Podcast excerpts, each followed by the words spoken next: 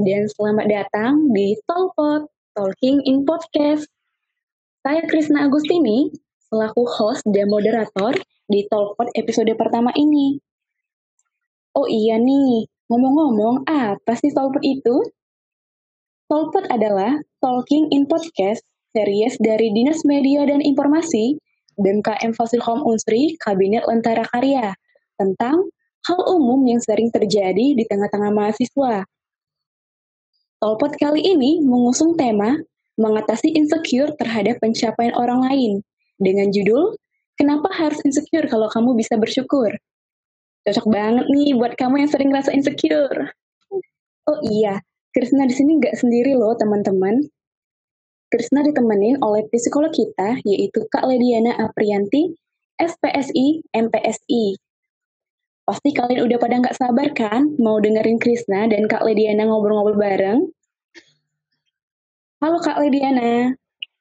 Hai. Gimana nih Kak kabarnya? Alhamdulillah baik. Gimana nih buat Krisna dan juga teman-teman kabarnya hari ini? Alhamdulillah baik juga nih Kak. Oh iya Kak, sesuai dengan yang Krisna bilang tadi tentang mm -hmm. insecure, menurut mm -hmm. pandangan Kakak sendiri, apa sih insecure itu? Oke, kalau kita merunut dari uh, apa namanya pengertian istilah insecure ya, insecure itu uh, menggambarkan perasaan tidak aman gitu, cemas, gelisah, takut, malu hingga apa ya tidak percaya diri gitu, yang pastinya buat seseorang tuh jadi nggak aman. Nah kadang juga uh, perasaan insecure ini atau perasaan cemas ini di beberapa orang itu mengalami gejala atau sensasi tubuh. Uh, misalnya seperti kayak detuk apa detak jantungnya meningkat, terus ada ketegangan otot juga, berkeringat, gemetar. Uh, uh, itu yang apa namanya insecure gitu atau sebenarnya insecure mungkin baru-baru ini ya uh, apa namanya Hmm, istilah insecure ini coming, tapi sebelum itu kita mengenal insecure ini dengan cemas atau kecemasan atau anxiety gitu. Hmm, bener juga sih kak. Uh, kebanyakan hmm. sih teman-teman Krisna dan bahkan mungkin juga orang-orang di luar sana lagi hmm. ada yang ngerasa insecure dan hmm. mungkin juga mereka lagi butuh tuh yang namanya motivasi diri. Kalau stop hmm. record itu sendiri, menurut kakak perlu nggak sih Oke, kalau misalnya kita ngomongin insecure, terus kita ngomongin juga self reward, tentunya uh, eh, self reward itu adalah hal yang penting untuk kita berikan ke diri kita. Kenapa nih? Karena setelah kita melakukan sesuatu yang butuh effort, self reward itu seperti hadiah yang atau imbalan yang kita berikan kepada diri kita atas sebuah pencapaian. Yang mana self reward ini juga sama pentingnya menurut saya dengan relaksasi dan juga self care ya. Jadi di mana kita meluangkan waktu untuk santai, melakukan sesuatu yang makan sehat, bersosialisasi, atau juga bikin journaling itu, itu juga hal yang baik gitu. Setuju banget nih sama kakak. Kita mm -hmm. perlu juga namanya penghargaan untuk diri sendiri atas goal atau impian yang udah berhasil dicapai. Tapi masih banyak banget nih kak orang yang menganggap sepele akan hal itu. Dia masih banyak juga orang yang bingung cara ngatasin insecure. Hmm. Dari hmm. kakak sendiri, ada nggak sih trik itu untuk mengatasi insecure itu? Oke, okay. untuk insecure itu kita sendiri uh, sebelum kita mengatasi insecure ya, kita harus hmm. uh, bisa mengetahui dulu apa yang menyebabkan kita insecure, ataukah uh, ini terjadi karena sebuah peristiwa dalam kehidupan kita, baik peristiwa itu sesuatu yang sudah terjadi lampau atau sesuatu yang terjadinya saat ini. Nah, kemudian kita akan tahu nih apa yang membuat terus bertahan. Biasanya cara berpikir yang terus-menerus memprediksi hal-hal yang buruk.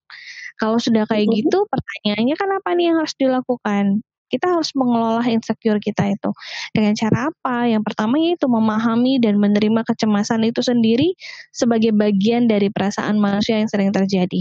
Sebenarnya perasaan insecure ini atau kecemasan ini adalah sesuatu yang lumrah terjadi atau apa reaksi tubuh dan juga pikiran ketika kita berada dalam situasi yang membuat kita cemas atau membuat kita takut atau sesuatu yang nggak bikin kita nyaman. Sebenarnya itu hal yang lumrah. Nah, tapi insecure ini akan menjadi sesuatu yang tidak lumrah kalau ini uh, membatasi banyak gerak dari pikiran kita. Nah, kemudian kalau tadi kita udah tahu nih penyebabnya, terus kita memahami dan menerima, misalnya kayak gini nih, kamu insecure takut kalau misalnya besok mm. mau uh, ada ujian, terus kamu insecure banget, ya kamu cemas, aduh ntar besok ujian gimana gitu loh. Nah, mengatasinya itu ya pahamin dulu atau menerima kecemasan. Oh iya sih, aku cemas karena emang besok mau ujian gitu loh. Nah, tapi cara mengelolanya kayak gimana? Nih, sadarin dulu kecemasan kita ini adalah cara berpikir yang rasional atau enggak atau irasional. Rasionalnya itu seperti ini. Kalau kamu memprediksi, aduh besok ntar kalau misalnya ujian nilai aku jadi jelek nih gitu loh. Itu kan sesuatu yang diprediksi kalau kamu saat ini uh, menjelang ujian tidak mempersiapkan apa pun, begitu ya, nggak nggak iya. belajar ya. atau sistem SKS ya kamu mencemaskan hal yang memang sudah kamu prediksi. Tapi kalau misalnya kamu menyiapkan segala sesuatu dengan baik, tentunya kecemasan itu, walaupun mungkin nih kamu udah belajar, kamu udah prepare nih, tapi masih hmm gimana? Nah, diolah, gak apa-apa, diterima kecemasannya, it's okay, cemas, tapi kan besok yang penting kita, kamu sudah melakukan persiapan yang besok kita akan lihat besok. Jadi ketika kamu menerima kecemasan itu dan mengelola eh, kecemasan itu, kamu nanti udah nggak fokus lagi atas kecemasannya karena kan bentuk kecemasannya adalah sebuah prediksi ya, masih belum tentu terjadi begitu. Hmm, bener banget nih kak. Oh iya, mm -hmm. boleh banget nih buat teman dicoba poin triknya dan dicatat poin-poinnya. Oh iya kak, gimana sih cara untuk bodoh amat saat diomongin ini itu sama orang bahkan oh, hmm.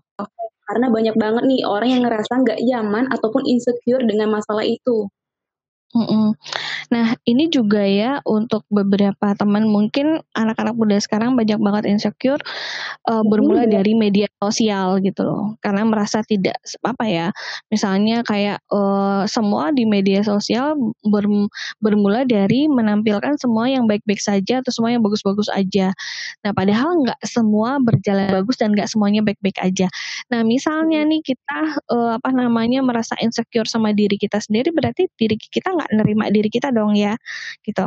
Nah ya, saat kita berikan diberikan apa ya misalnya komentar jelek atau misalnya masukan-masukan atau apa misalnya hal kecil aja sekarang yang sering sedikit hmm. tapi itu menyakitkan hati misalnya ketemu teman lama eh uh, eh lama nih nggak ketemu eh kamu gendutan deh sekarang misalnya. Nah itu udah bikin langsung insecure. Nah bener banget.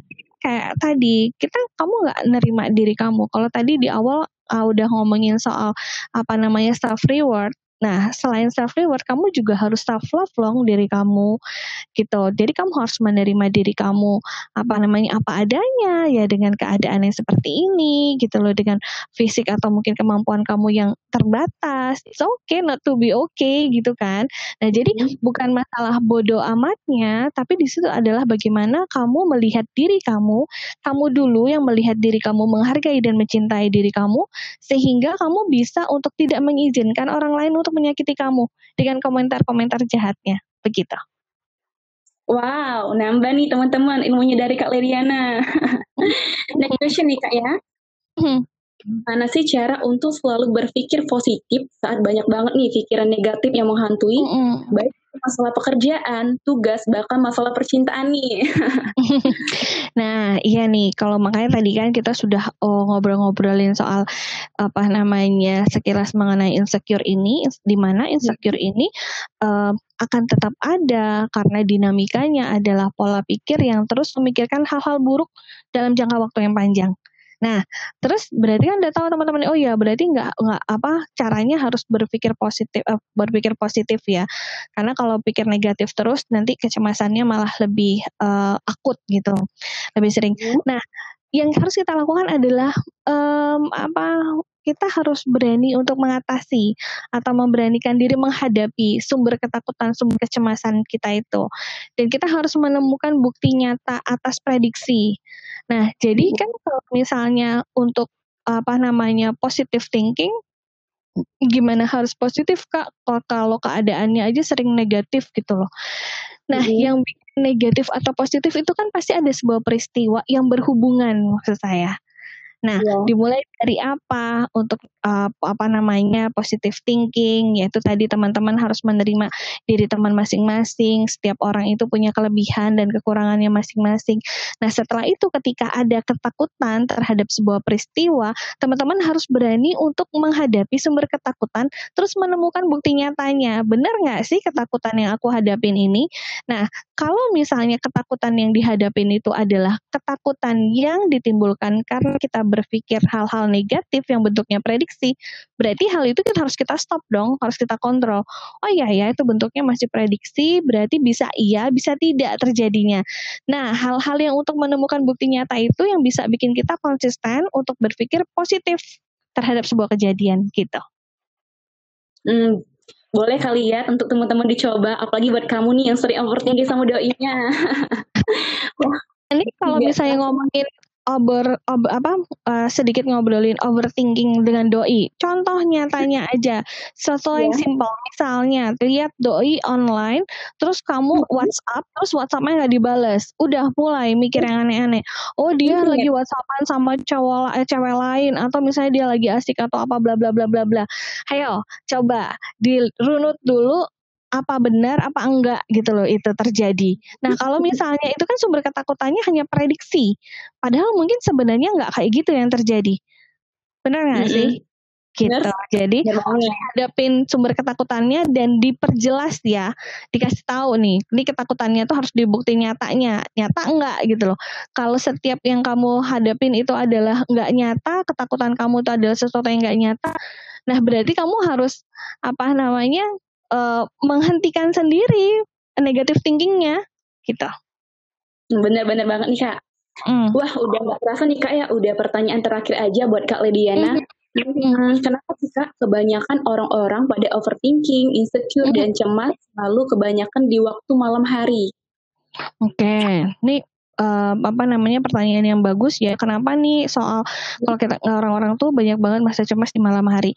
Ke Kecemasan itu kan biasanya dipicu oleh sebuah peristiwa, yang mana peristiwa ini pasti terjadinya di siang hari atau pagi pagi hari.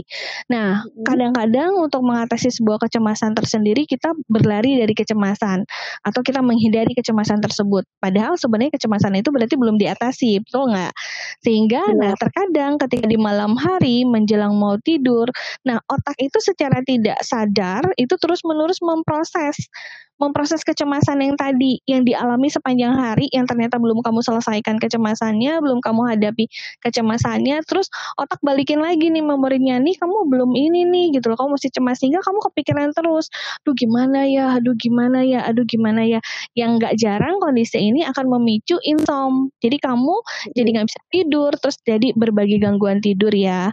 Nah, eh, apa namanya? Itu yang terjadi kita udah udah coba sekilas bahas kalau kalian uh, apa namanya merasa insecure menghadapi kecemasan, hadapi kecemasannya, temukan apa yang menjadi cemas, kemudian temukan fakta nyatanya apakah kecemasan yang kamu hadapi ini adalah betul ataukah hanya prediksi dari negatif pikirkan. Gitu ya, guys. Iya. Oh gitu ya Kak alasannya. Mm-hmm. Di teman-teman catat nih alasannya dari Kak Lidiana. Iya. Uh. Udah mau berakhir aja nih teman-teman topik kita kali ini. Mm-hmm. Padahal mm-hmm. serunya nih ngobrol bareng Kak Lediananya. Iya. topik kita kali ini boleh nih buat Kak Lediana memberikan closing statementnya. Oke, untuk teman-teman di luar sana, anak-anak muda Indonesia, uh, notice dari aku adalah it's okay not to be okay ya guys. Let go what you feel it will pass by the time. Uh, let's go what you cannot control and have faith on good things. Be gentle to yourself. Jadi harus kita hadapin diri kita hmm. sendiri gitu. Wow, makasih banyak banget nih untuk Kak Lediana yang telah yeah. memberikan pesan positif dan mm -hmm. tips-tips menarik tentang insecure. Semoga okay. dengan adanya topik kali ini dapat memberikan pandangan positif bagi para pendengar dan semoga yeah. dengan adanya ini dapat menambah wawasan serta selalu bersyukur atas apa yang telah kita miliki. Terima kasih juga buat kalian yang udah dengerin topik episode pertama ini. Sampai jumpa di episode berikutnya. Bye. Okay, bye.